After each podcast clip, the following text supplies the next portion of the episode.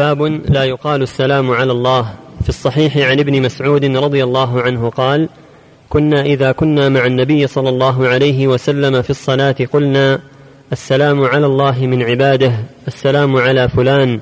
فقال النبي صلى الله عليه وسلم لا تقولوا السلام على الله فإن الله هو السلام. باب لا يقال السلام على الله يعني من عباده فإن الله جل وعلا هو السلام منه السلام. ولهذا قال باب لا يقال السلام على الله. ولكن يقال اللهم أنت السلام ومنك السلام تباركت يا ذا الجلال والإكرام.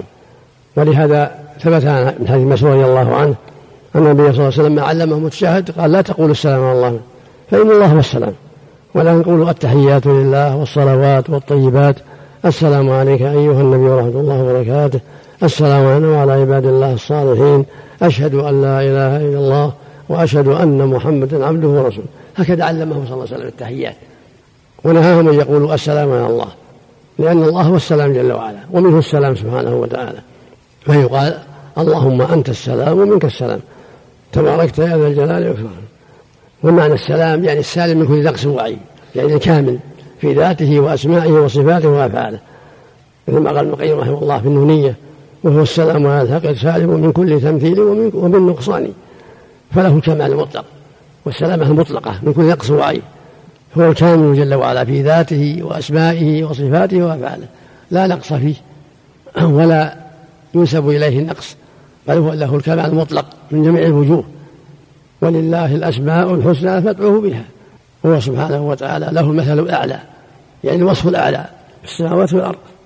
وفق الله الجميع باب قولي اللهم اغفر لي إن شئت. في الصحيح عن أبي هريرة أن رسول الله صلى الله عليه وسلم قال لا يقل أحدكم اللهم اغفر لي إن شئت اللهم ارحمني إن شئت ليعزم المسألة فإن الله لا مكره له. ولمسلم وليعظم الرغبة فإن الله لا يتعاظمه شيء أعطاه. يقول رحمه الله في كتاب التوحيد باب لا يقول أن احدهم اللهم اغفر لي إن شئت اللهم ارحمني إن شئت. المقصود من هذا الباب أنه لا يجوز تعليق الدعاء بالمشيئة بل يلزم الإنسان في دعائه ولا يعلق. اللهم اغفر لي اللهم ارحمني اللهم أصلح قلبي وعملي اللهم انصر دينك اللهم أعز الإسلام. ما يقول إن شاء الله في هذا لأن يقول إن شاء الله معناه عدم الرغبة. يعني إن شئت أعطني وإن شئت تعطني. هذا ليس ليس بصحيح. المؤمن يكون عظيم الرغبة إذا دعا ربه يلح في الدعاء ويلزم بالدعاء. ولهذا يقول صلى الله عليه وسلم لا يقول أن أحدكم اللهم اغفر لي إن شئت اللهم ارحمني إن شئت. اللي يعزم المسألة فإن الله ما لا مكره له ويعطي مشيئته جل وعلا. لا أحد يكره سبحانه وتعالى. وفي اللفظ الآخر وليعطي من رغبة فإن الله لا يتعاظمه شيء أعطاه.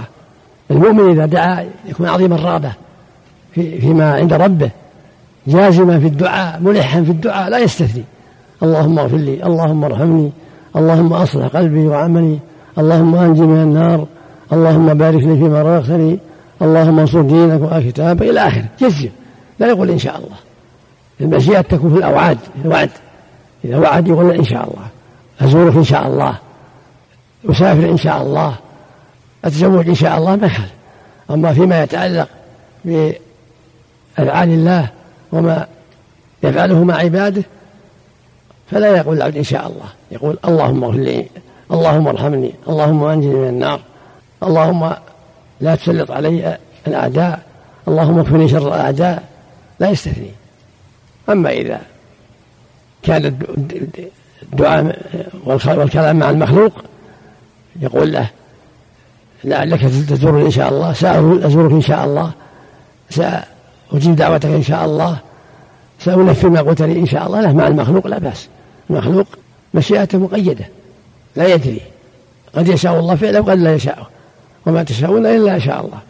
فإذا قال المخلوق سأفعل هذا إن شاء الله هذا هو الواجب. أو سأزورك إن شاء الله طيب. أما مع ربه اللهم اغفر لي إن شئت لا. لا يستثني مع الله. اللهم اغفر لي اللهم ارحمني اللهم أنجي من النار اللهم أصلح قلبي وعملي اللهم ارزقني رزق الحلال. يجزم ولا يعلق.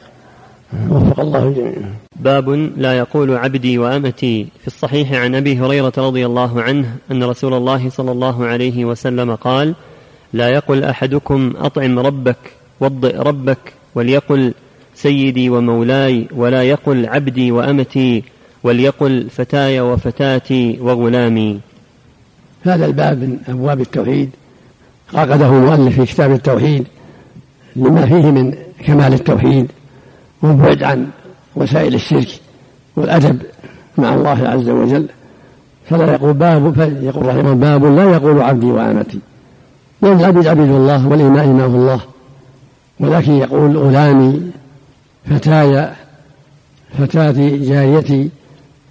من حديث قوله صلى الله عليه وسلم لا يقول أن أحدهم أطعم ربك وضع ربك يعني سيده. بل يقول سيدي ومولاي فالمملوك يقول لمالك سيدي ومولاي مستثنى. ولا يقول ربي. ولا يقال له اطعم ربك وضع ربك. ولا يقال وضع سيدك أو أطعم سيدك أو مولاك. لأن السيد معنى المالك والمولى معنى المالك. ولا يقول عبدي وأمتي وليقول فتاي وفتاتي وغلامي تأدب مع الربوبية. فالعبيد عبيد الله والإمام إمام الله. ولكن يقول فتاي فتاتي غلامي مملوكي وما أشبه ذلك. من الآداب الشرعية في الألفاظ. أما غيره فالأفضل لا يقول سيدي ولا ولكن يقول أبو فلان وفلان لأن الرسول لما قيل له أنت سيدنا قال السيد الله تبارك وتعالى. قولوا بقولكم أو بعض قولكم ولا يستهنكم الشيطان. هذا يدل على أنه لا يخاطب الناس وسيدي أو مولاي. ينبغي التنزع عن هذه العبارة وأن يقول يا أبا فلان أو يا فلان بكنيته أو باسمه أو بألقابه الأخرى. تأدبا كما قاله النبي عليه الصلاة والسلام أما سيد بني فلان فلا بأس. كما قال كما كان يقول النبي للقبائل من سيدكم؟ يعني من رئيسكم. مثل ما يقال سعد بن معاذ سيد الأوس سعد بن عبادة سيد الخزرج يعني رئيسهم. لا بأس بهذا. نعم. باب لا يرد من سأل بالله. عن ابن عمر قال قال رسول الله صلى الله عليه وآله وسلم من استعاذ بالله فأعيذوه ومن سأل بالله فأعطوه ومن دعاكم فأجيبوه ومن صنع إليكم معروفا فكافئوه فإن لم تجدوا ما تكافئوه فادعوا له حتى تروا أنكم قد كافأتموه. رواه أبو داود والنسائي بسند صحيح. قد عقد المؤلف رحمه الله هذا الباب في كتاب التوحيد النهي عن رد من سأل بالله لتعظيم مقام التوحيد وتعظيم مقام السؤال بالله عز وجل والاستعاذة به سبحانه وتعالى. فإن من توحيد الله تعظيمه والإخلاص له وتعظيم أوامره ونواهيه هذا من كمال التوحيد. أن يعظم العبد أوامر الله ونواهيه وأن يسارع إلى مراضيه وأن يقف عند حدوده. كل هذا من تعظيم التوحيد. كل هذا من تعظيم الإخلاص لله كل هذا من تعظيم الله والقيام بحقه. ولهذا يقول المؤلف رحمه الله باب لا يرد من سأل بالله. يعني إذا لم يعتدي أما إذا اعتدى يرد كالذي يسأل ما لا يحل له أو يسيء السؤال أما من سأل بالله في شيء له فيه حق أو وهو يستحق فإنه يعطى. أما من سأل بالله ما لا يستحق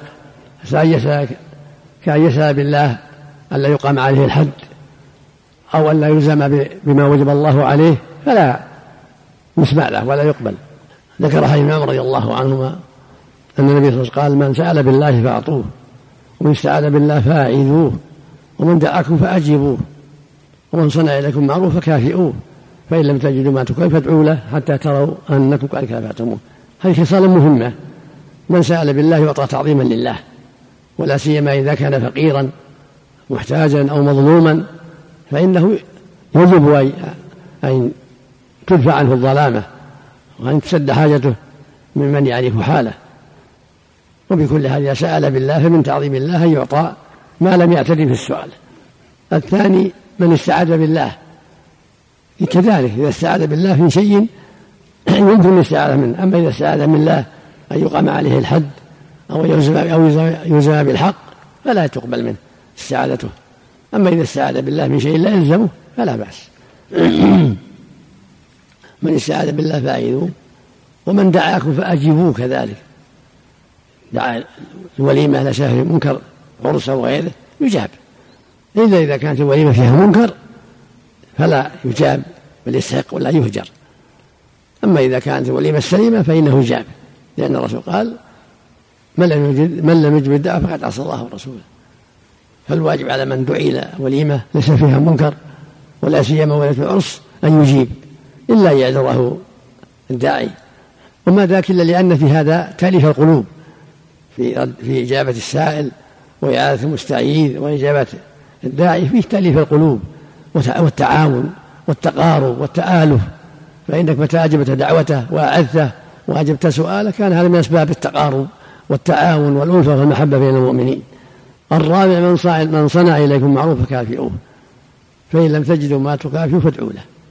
إذا صنع معروفا إلى إنسان من دفع ظلمة عنه أو إعانته على مهمة أو مسامحته من دين أو إنظاره لعساره أو ما أشبه ذلك فإنه يكافئ على معروفه الطيب. إذا صنع معروفا يكافئ بالكلام الطيب والفعل الطيب بالمال وغيره لأن من مكارم الأخلاق ومحاسن الأعمال مكافأة المحسن على إحسانه والعفو عن المسيء. فالله جل وعلا شرع لعباده العفو والصفح والإحسان والجود والكرم فالمؤمن يشرع له أن يجود وأن يحسن وأن يكافئ من أحسن إليه. هذا من مكارم الأخلاق. فإن لم تجدوا ما تكافئوه حذفت النون للتخفيف أو لمراعاة رؤوس الجمل والأصل تكافئونه فادعوا له. إذا كان الإنسان لا يستطيع أن يكافئ فالدعاء. أحسن إليك بأشياء لا تستطيع أن تكافئه تدعو له. وجزاه الله خيرا ضاعف الله مثوبته غفر الله له أحسن الله إليه. كلمات طيبة. حتى تروا يعني حتى تعلموا. كما في الروايات الأخرى حتى تعلموا. تروا بفتح التام ما لا تعلموا. تروا بضمها ما لا تظنوا وجاءت في رواية أخرى حتى تعلموا. فيكون معنى فتكون رواية بالفتح حتى تعلموا. يعني تعلموا. يعني اجتهدوا في مكافأته حتى لا يبقى شك أنكم كافأتموه على معروفه بالدعوات الطيبة. وفق الله جميعا.